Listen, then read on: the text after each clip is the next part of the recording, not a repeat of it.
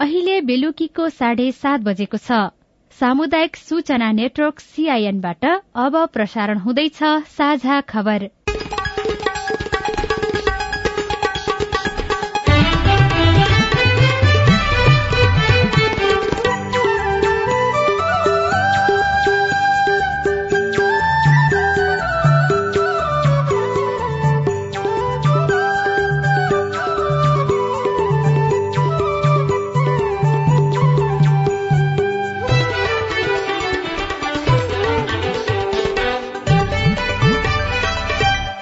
सीआईएनको साझा खबरबाट सोभिता रिसालको नमस्कार। साझा खबर देशभरिका सामुदायिक radio CIN Khabar dot com सीआईएनको फेसबुक पेज र मोबाइल एप सीआईएनबाट पनि सुन्न सकिन्छ।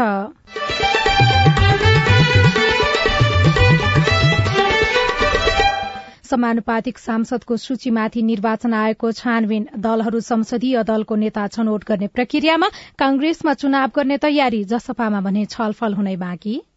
संसद गठन भइसकेपछि हाम्रो पार्टीको संसदीय दल बस्छ र त्यस पछाडि त्यसमा चयन गर्ने कुरा हुन्छ। महाअभियोग निष्प्रभावी गराएको बारे सर्वोच्चलाई संसद सचिवालयको जवाफ। मानव अधिकार आयोगमा तेह्र हजार भन्दा बढ़ी उजुरी दर्ता पाँच वर्षमा रोजगारीका लागि माल्टा जाने नेपाली एक्काइस गुणाले बढ़े। अन्य युरोपका अन्य देशहरूमा पनि जान सक्ने अवस्था रहने हुनाले र एउटा राम्रो रोजगारीको अवसर पनि पाउने हुनाले माल्टा जानुलाई सकारात्मक रूपमै लिनुपर्ने हुन्छ। मुलुकी अपराध संहिता संशोधन अध्यादेश ल्याउने सरकारको निर्णय। समान कामको समान ज्याला अझै पनि लागू भएन। काभ्रेको महाभारत गाउँपालिकामा रेबी संक्रमणको डर। पशु पन्छीलाई मात्र नभइकन पनि यो एक नम्बरमा चाहिँ लगभग लगभग चाहिँ यो बीचमा चाहिँ पाँच सातजना मान्छेले पनि टोकिसकेको छ बला कुकुरले हेर्नुहोस् है। र मौसमी रुगाखोकीका कारण अमेरिकामा यो वर्ष सात हजार भन्दा धेरैको मृत्यु अर्जेन्टिना र नेदरल्याण्डसलाई कार्यवाही गर्ने फिफाको तयारी।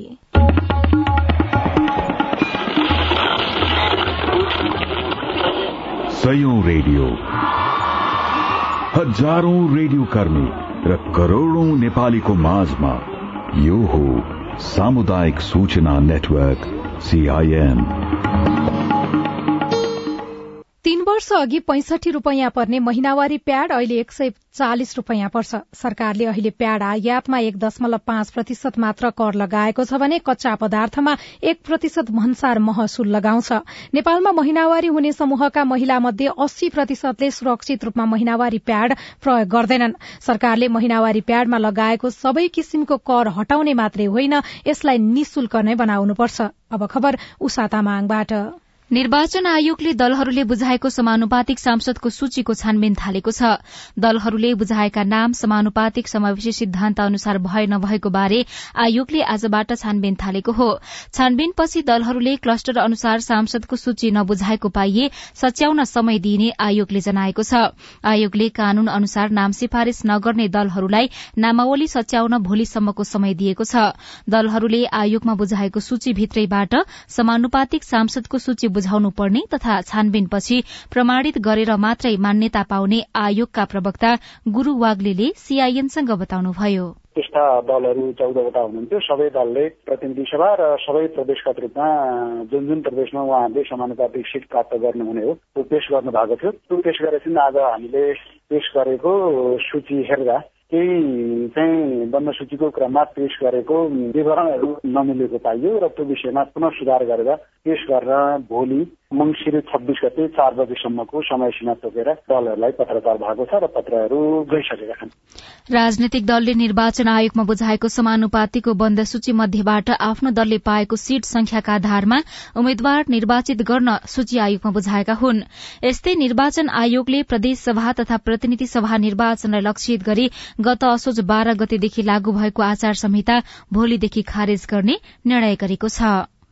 सरकारले नागरिक उन्मुक्ति पार्टी र विप्लव समूहका कार्यकर्ता संलग्न मुद्दा फिर्ता लिने उद्देश्यले मुलुकी अपराध संहिता संशोधन अध्यादेश ल्याउने निर्णय गरेको छ। आज बसेको मन्त्री परिषद बैठकले अध्यादेश ल्याउने निर्णय गरेको हो। सरकार गठनका लागि बहुमत जुटाउन प्रयासरत सत्तारूढ़ गठबन्धनले नागरिक उन्मुक्ति पार्टीको समर्थन खोजिरहेको छ। तर टीकापुर घटनामा जन्मकैदको सजाय काटिरहेका पार्टीका संरक्षक रेशम चौधरीको मुद्दा फिर्ता लिनुपर्ने नागरिक उन्मुक्ति पार्टीको शर्त छ।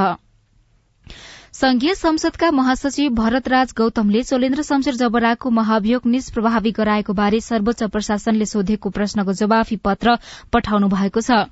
तर पत्रमा उहाँले स्पष्ट जवाफ पनि दिनुभएको छैन। पूर्ण इजलासले यो विषयमा कारण देखाउ आदेश जारी गरेकाले जवाबसँगै प्रशासनको पत्रको जवाफ पनि दिने गौतमले बताउनुभयो।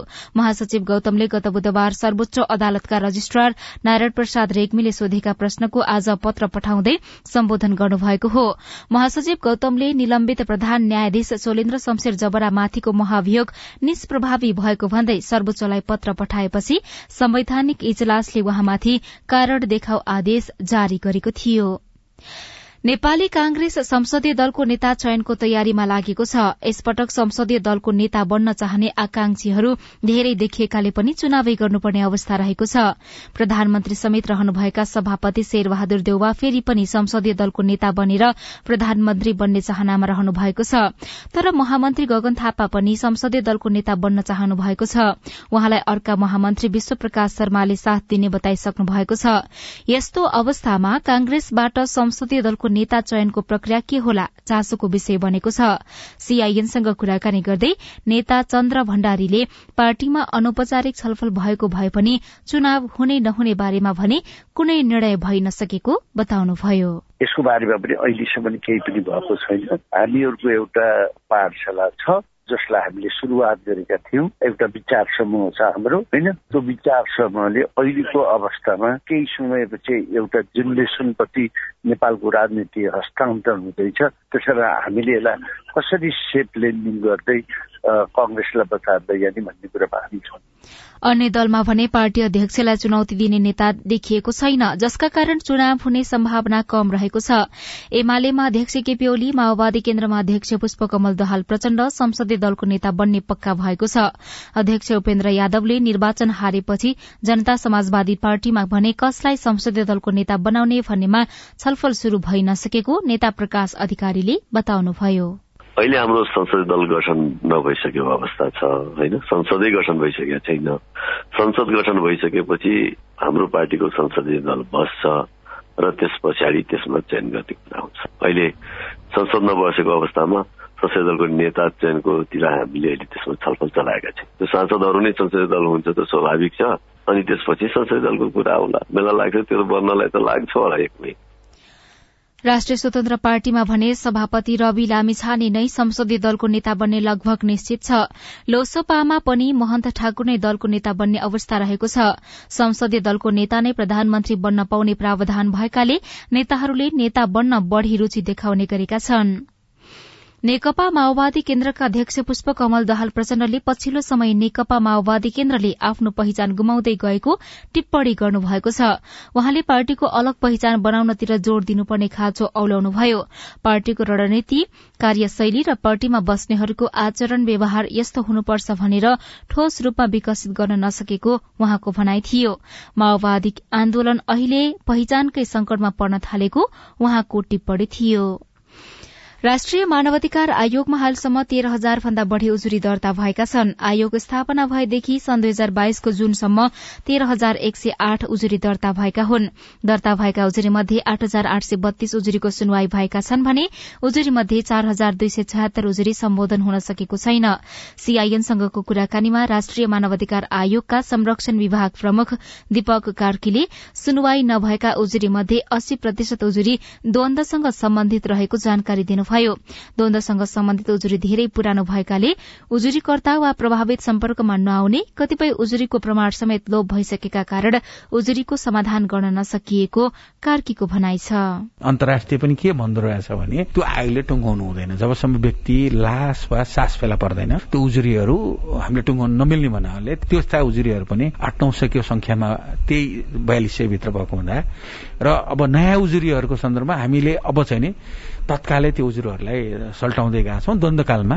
हामीले विविध कारणले अब कर्मचारीको अभाव त्यस्तै हाम्रो एक्सपर्टिज लगायत कुरा अब हामी यसलाई चाहिँ नि सल्टाउनको लागि एउटा कार्ययोजना नै विस्तृत बनाएर अगाडि बढ्ने हाम्रो आएको योजना छ। यदि त्यो उजुरीहरू सल्टेमा हामी नयाँ उजुरी मात्रै हामीसँग बाँकी रहन्छ। आयोगमा दर्ता भएका सबै उजुरीको फडछुट गर्न प्रमाण नपुगेका केही अपुरो उजुरीलाई तत्कालका लागि तामेलीमा राख्ने तयारी भइरहेको छ।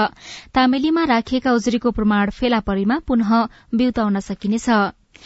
काभ्रेको महाभारत गाउँपालिकामा रेबी संक्रमणको त्रास बढ़ेको छ। पालिकाको ओडा नम्बर एकको गोकुले र ओडा नम्बर आठको घरती छापमा गरी पछिल्लो बीस दिनको अवधिमा रेबिजकै कारण आठवटा पशु चौपाया मरेका छन्। यस्तै सोही अवधिमा नौजना मानिसलाई पनि कुकुरले टोकेको छ।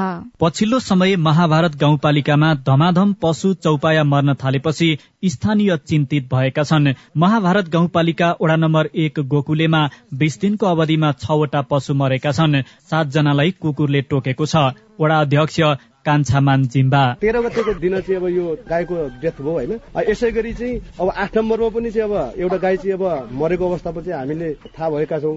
पशु पन्छीलाई मात्र नभइकन पनि यो एक नम्बरमा चाहिँ लगभग लगभग चाहिँ यो बिचमा चाहिँ पाँच सातजना मान्छेले पनि टोकिसकेको छ। बला कुकुरले हेर्नुहोस् है। अब हाम्रो चाहिँ यो ओडाको हकमा चाहिँ अब जोखिम एउटा महामारीको रूपमा चाहिँ अब रेबिस फैलिने सम्भावना चाहिँ प्रबल भयो यही मंगिर तेह्र गते गोकुलेका थिरमाया श्रेष्ठले पाल्नु भएको गाई मरेको थियो। पछि जाँच गर्दा उक्त गाईमा रेबिज पुष्टि भयो।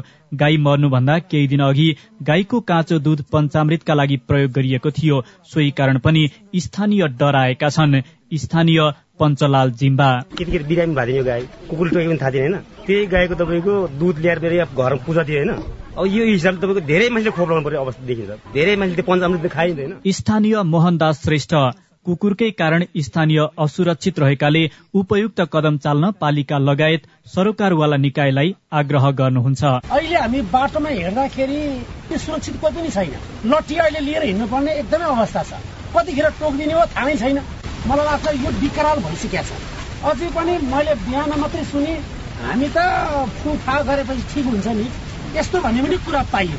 यो कुरा पनि स्थानीय तहको घर घरसम्म पनि मैले देखिन्छ जिल्ला स्वास्थ्य कार्यालय काभ्रेका प्रमुख डाक्टर पुरूषोत्तम सेढाईले रेबिज संक्रमणको खबर थाहा पाउने बित्तिकै रेबिज विरूद्धको खोप अभियान सञ्चालन गरिरहेको बताउनुभयो। उत्खनन गरेर हेर्दाखेरि पशुमा रेबिज देखियो। यसले एउटा प्रमाण दियो हामीलाई कि यो हाम्रो समुदायमा जनावरहरूमा रेबिज छ भन्ने। त्यसपछि हामीले जोखिममा रहेको व्यक्तिहरूलाई मानिसहरूलाई चाहिँ हामीले खोप लगाउने अभियान तुरन्त नै शुरू गर्यौं यसअघि काभ्रेको भुम्लु गाउँपालिकामा रेबिजका कारण पचास भन्दा बढी पशु चौपाया मरेका थिए। खुल्ला गोठ छाडा कुकुर र जंगली जनावरका कारण रेबिज फैलिएको आशंका गरिएको छ। चिकित्सकहरूले कुकुर वा अरू पशु चौपायाले टोकेको खण्डमा तुरन्त रेबिज विरूद्धको खोप लगाउन तथा आफूले पालेका पशु वस्तुलाई पनि रेबिज विरूद्धको खोप लगाउन आग्रह गरेका छन्। Bikas Timal Sinha CIN prime FM Kavre. साझा खबरमा अब विदेशको खबर। अमेरिकामा फ्लूका कारण यो वर्षमा सात हजार तीन सय जनाको मृत्यु भएको छ। गएको नोभेम्बर महिनाको अन्त्यसम्म एक करोड़ तीस लाख बिरामी भएको अमेरिकी रोग नियन्त्रण तथा रोकथाम केन्द्रले जनाएको छ। केन्द्रका अनुसार हाल एक लाख बीस हजार बिरामी उपचारका लागि अस्पताल भर्ना भएका छनृ। खेल खबरमा विश्व फुटबलको सर्वोच्च निकाय फिफाले अर्जेन्टिना र नेदरल्याण्डसलाई कार्यवाही गर्ने भएको छ। कतार विश्वकप दौरान अनुशासन उल्लंघन गरेको भन्दै फिफाले अर्जेन्टिना र नेदरल्याण्डसलाई जरिवाना गर्ने भएको हो। फिफाले जरिवाना भने तोकिसकेको छैन तर दुवै टोलीलाई सोह्र हजार अमेरिकी डलरसम्म जरिवाना हुन सक्ने बताइसकेको छ।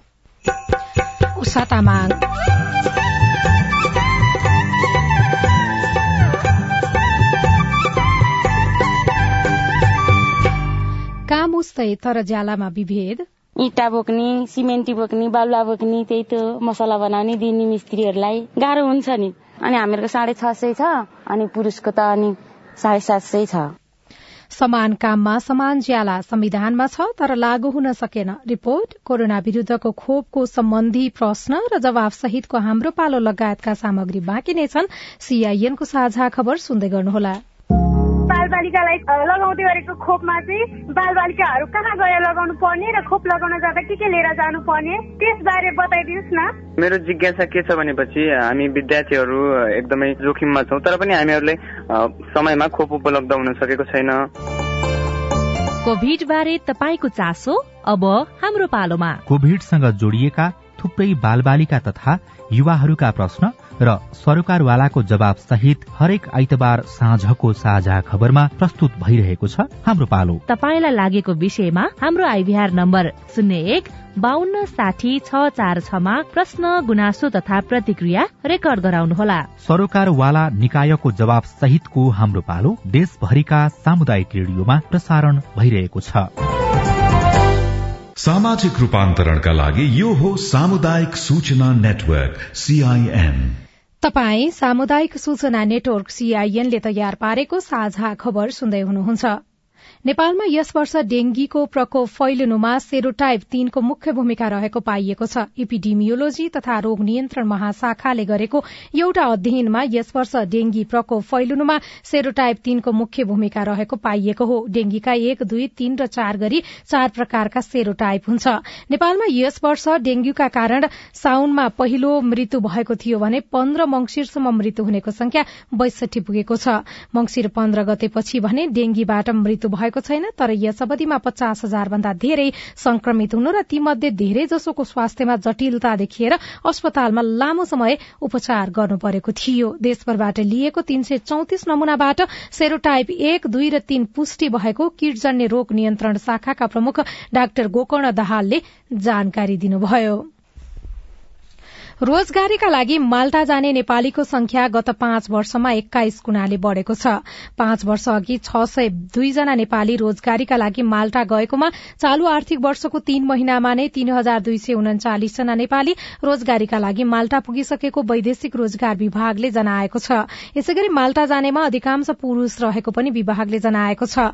विभागको तथ्याङ्क अनुसार गत साउन पाँच सय चौन्न जना भदौमा एक हजार चार सय एक्काइस जना र असोजमा एक हजार दुई सय बहत्तर जना रोजगारीका लागि माल्टा पुगेको विभागका सूचना अधिकारी कृष्ण प्रसाद भूषालले सीआईएनसँग बताउनुभयो जसमा झण्डै पच्चीस प्रतिशत महिला छन्। युरोपेली देश माल्टाबाट वैदेशिक रोजगारीमा नेपाली श्रमिकको लागि माग पनि बढ़िरहेको र राम्रो सेवा सुविधा र श्रम कानूनको कारण नेपाली नागरिक रोजगारीका लागि माल्टा जाने गरेको उहाँले बताउनुभयो।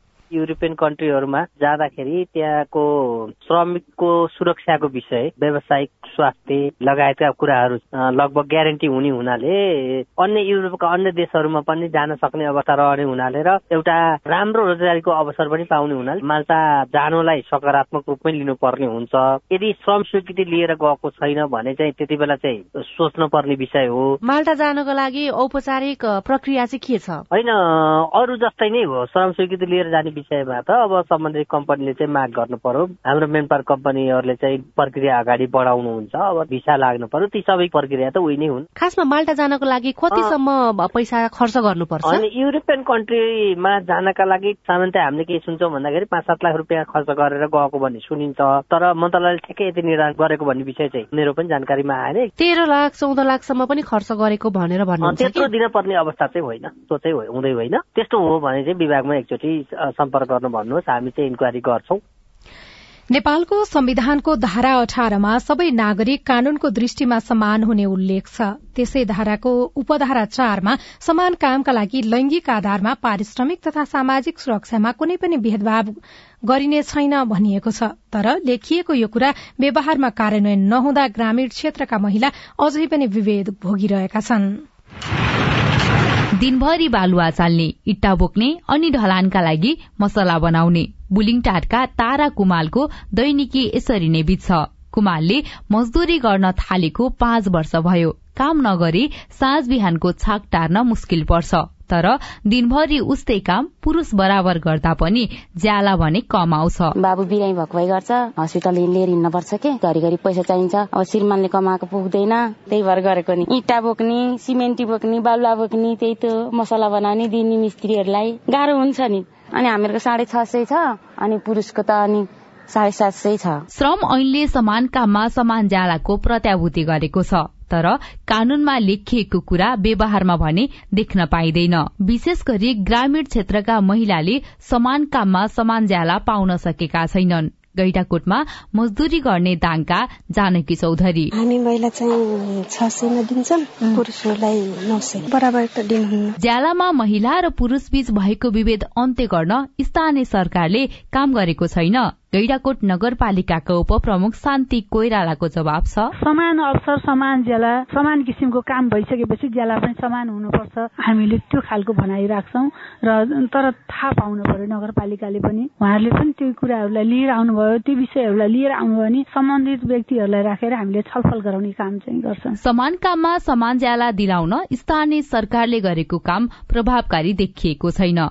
त्यस्तोमा कानून कार्यान्वयनमा प्रदेश र संघ सरकारको भूमिका महत्वपूर्ण हुन्छ। त्यसका लागि प्रदेश तहबाट आफूले आवाज उठाउने बताउनुहुन्छ नवलपुरबाट निर्वाचित प्रदेश सभा सदस्य पद्माजीसी त्यहाँ गएपछि यी कुराहरू उठाएर अब समान कामको समान ज्याला हुनुपर्छ। महिला र पुरुष भनेर विभेद गर्न हुँदैन भनेर हामी चाहिँ त्यहाँ कुरा उठाएर त्यहाँ चाहिँ हामी कानूनमा चाहिँ त्यहाँ चाहिँ गर्छौँ। निर्माण क्षेत्रमा पुरुष कामदारले दैनिक सात सयदेखि हजारसम्म ज्याला पाउँछन् भने महिला कामदारले पाँच सयदेखि सात सयसम्म पाउने गरेका छन्। कृषि क्षेत्रमा काम गर्ने मजदूरले पनि लिङ्गकै आधारमा पारिश्रमिकमा विभेद भोग्दै आएका छन्। Pabitra Parajuli CIN Bijay FM Nawalpur. तपाई सामुदायिक सूचना नेटवर्क सीआईएनले काठमाण्डुमा तयार पारेको साझा खबर सुनिरहनु भएको छ। फरक फरक ठाउँबाट कोरोना विरूद्धको खोप लगाउँदा क्यूआर कोड लिन समस्या? मैले चाहिँ तीन ठाउँबाट अलग अलग पेरोसेल भ्याक्सिन लगाएको। अहिले चाहिँ क्यूआर सर्टिफिकेट लिन खोज्दा ब्याच नम्बर रङ भन्छ अनलाइनमा। कोरोना खोप बारेका प्रश्न स्वास्थ्य मन्त्रालयका एकजना अधिकारीको जवाब विशेष श्रृंखला हाम्रो पालो बाँकी नै छ। सीआईएनको साझा खबर सुन्दै गर्नुहोला। सीआईएनको साझा खबर अब नेपाली पात्रोमा पनि। स्थानीय राष्ट्रिय तथा अन्तर्राष्ट्रिय समाचार नेपाली एफएम तथा अनलाइन रेडियोहरू एकै ठाउँमा सुन्न तिथि मिथि तथा पञ्चाङ्ग सम्बन्धी सबै जानकारी लिन। अन्तर्राष्ट्रिय मुद्राको नेपाली विनिमय दर सुन चाँदीको दर भाव मौसम सम्बन्धी सूचना र सार्वजनिक विधा बारेको जानकारी लिन पनि। नेपाली पात्रो अब तपाईँको मोबाइलमा। नेपाल टेलिकमको सूचनाको संसार। होइन के सुनेको यस्तो ध्यान दिएर दोहोरो बोलेको जस्तो नि देख्दिन। तिन दुई एक शून्य शून्य क्या? तिन दुई एक शून्य शून्य? के हो त्यो भने? बुझिन त। ल सुन एनटिसी प्रयोगकर्ताहरूले आफ्नो मोबाइल तथा ल्यान्डलाइनमा तीन दुई एक शून्य शून्य डायल गरी समाचार रेडियो कार्यक्रम खेल र अन्य विषय बारे सन्देशहरू जुनसुकै बेला निशुल्क सुन्न सक्छन्। ओहो निशुल्क? कस्तो सजिलो। समाचार सुन्न छुट्यो भनेर पिर लागेको थियो। अब त म पनि सुनिहाल्छु। कति रे? तिन दुई एक शून्य शून्य। सामाजिक रूपान्तरणका लागि यो हो सामुदायिक सूचना नेटवर्क सीआईएन तपाई सामुदायिक सूचना नेटवर्क सीआईएनले काठमाण्डुमा तयार पारेको साझा खबर सुन्दै हुनुहुन्छ। साझा खबरमा अब प्रस्तुत छ हाम्रो पालो।